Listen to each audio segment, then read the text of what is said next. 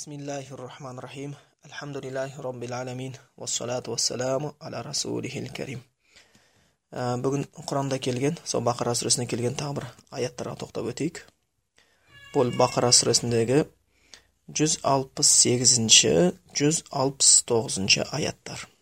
Ол аятта Аллах Тағала былай деп хабарлаған екен.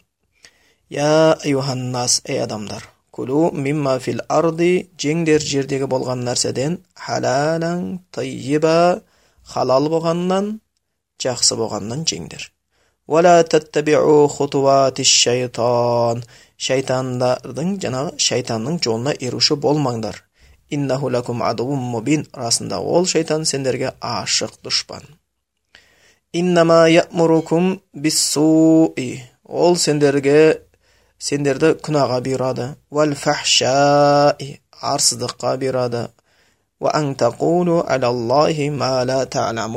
Және аллахтың атынан білмеген нәрселеріңді айтуға бұйырады. Енді осы аятқа бір тоқталып өтуді жөн көріп отырмыз. Бұл аятта енді қаратпа сөзбен келіп отыр. Ей адамдар деп.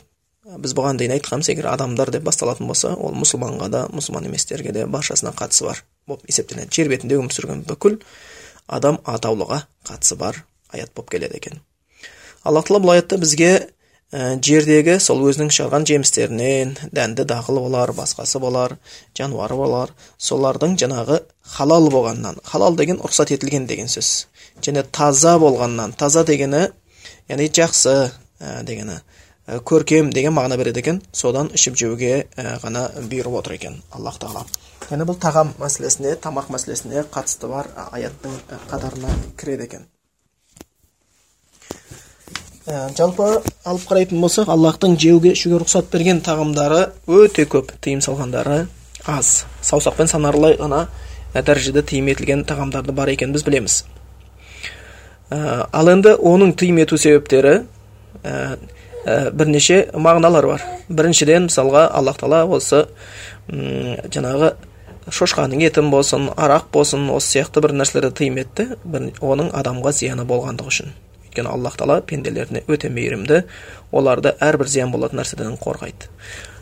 Шошқаның еті енді біздің ол заманымызда оның зияны екені анықталып жатыр ғой медициналық жолмен арақ мысалға арақтың да адам ақылына өте зиян екені анықталып жатқанын біз білеміз. Және ол тек қана ақылды ғана тұмшалап қоймай сонымен қатар адам баласының отбасына жүріс тұрысына сөйлеген сөзіне бәріне де кері әсерін тигізеді. Сондықтан бұл шариғатта тыйым етілген дүниелердің қатарына кіреді екен. Ал енді аллахтың рұқсат берген нәрселер өте көп бірақтан біз байқаймыз.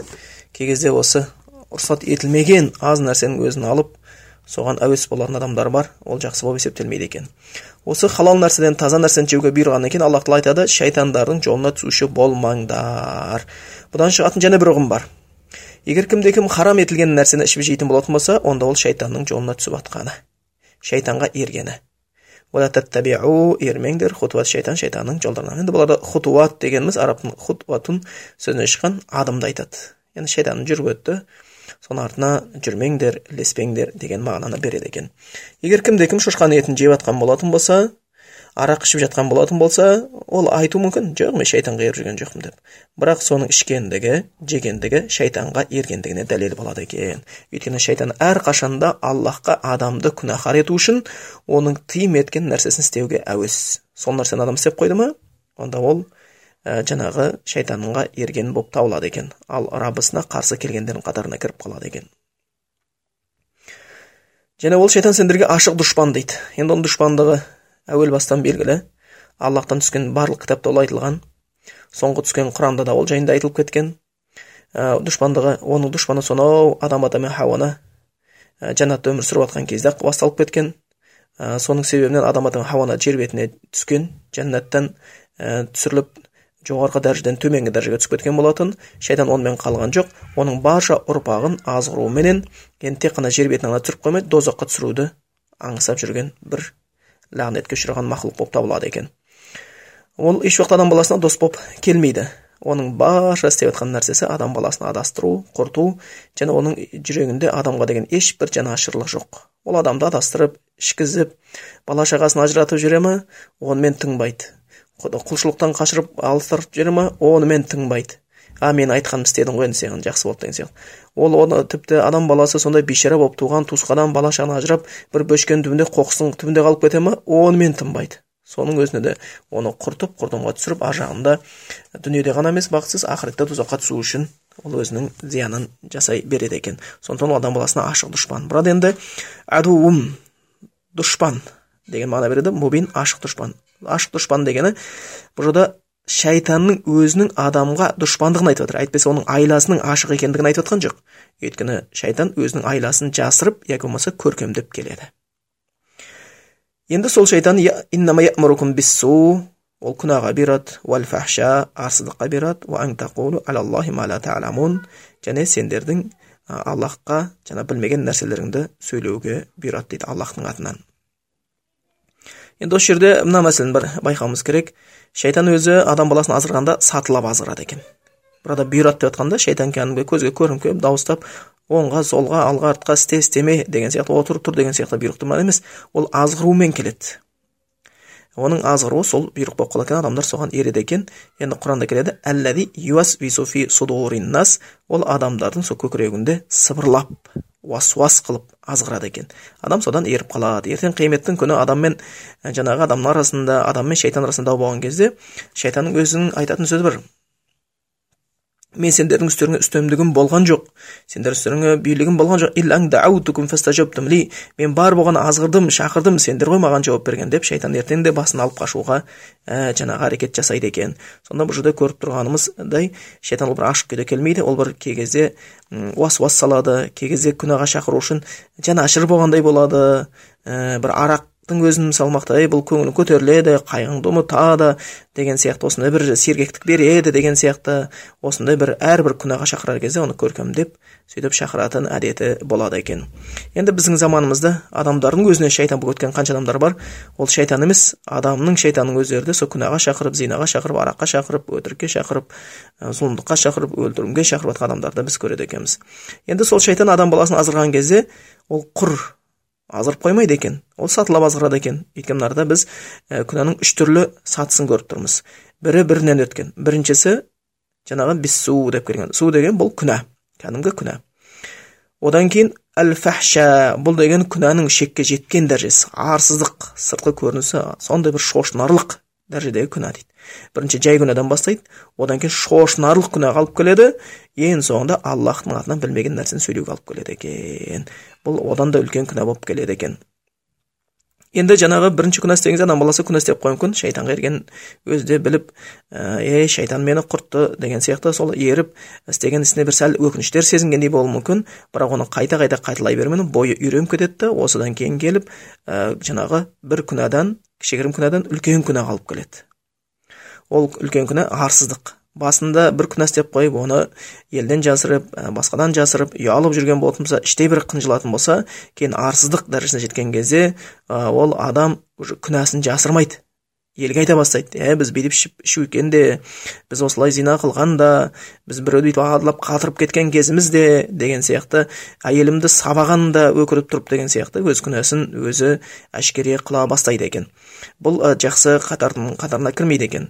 Енді осы жердегі ә, фәхшаны кейбір ә, ілгергі өткен ғалымдардан түсіндірмеде ол дегеніміз ә, жаңағы ә, зина жасау арақ ішу кісі өлтіру біреуге жала жабу дегендер осы фәхшаның ішіне кіреді деген екен дейді міне осындай бір ә, күнәдан кейін ол ә, сатылап ар жағында одан да үлкен зор күнәға алып келеді ол аллахтың атынан білмеген нәрсені сөйлеу ол дегеніміз халал болған нәрсені харам деу харам болған нәрсені халал деп жаңағындай ә, сөздерге бару кей кезде елдің арасында өздеріне харам еткен нәрсені халал ету үшін осындай өтірікке барады ә, мысалы е молдеке мүмкін енді сіз арақ жайында білмей жатқан шығарсыз ол жаңағы құранда аят бар. Ішсең болды құспасаң болды деген ішсең іше беріп құспасаң болды деген аяттар бар деген сияқты ешбір қорықпастан құдай атынан сөйлейтін болады. Бұл деген сөз олардың жүрегі өлді деген сөз. Бұл ең үлкен арсыздық. Бұны шайтан әбден жетектеп алды.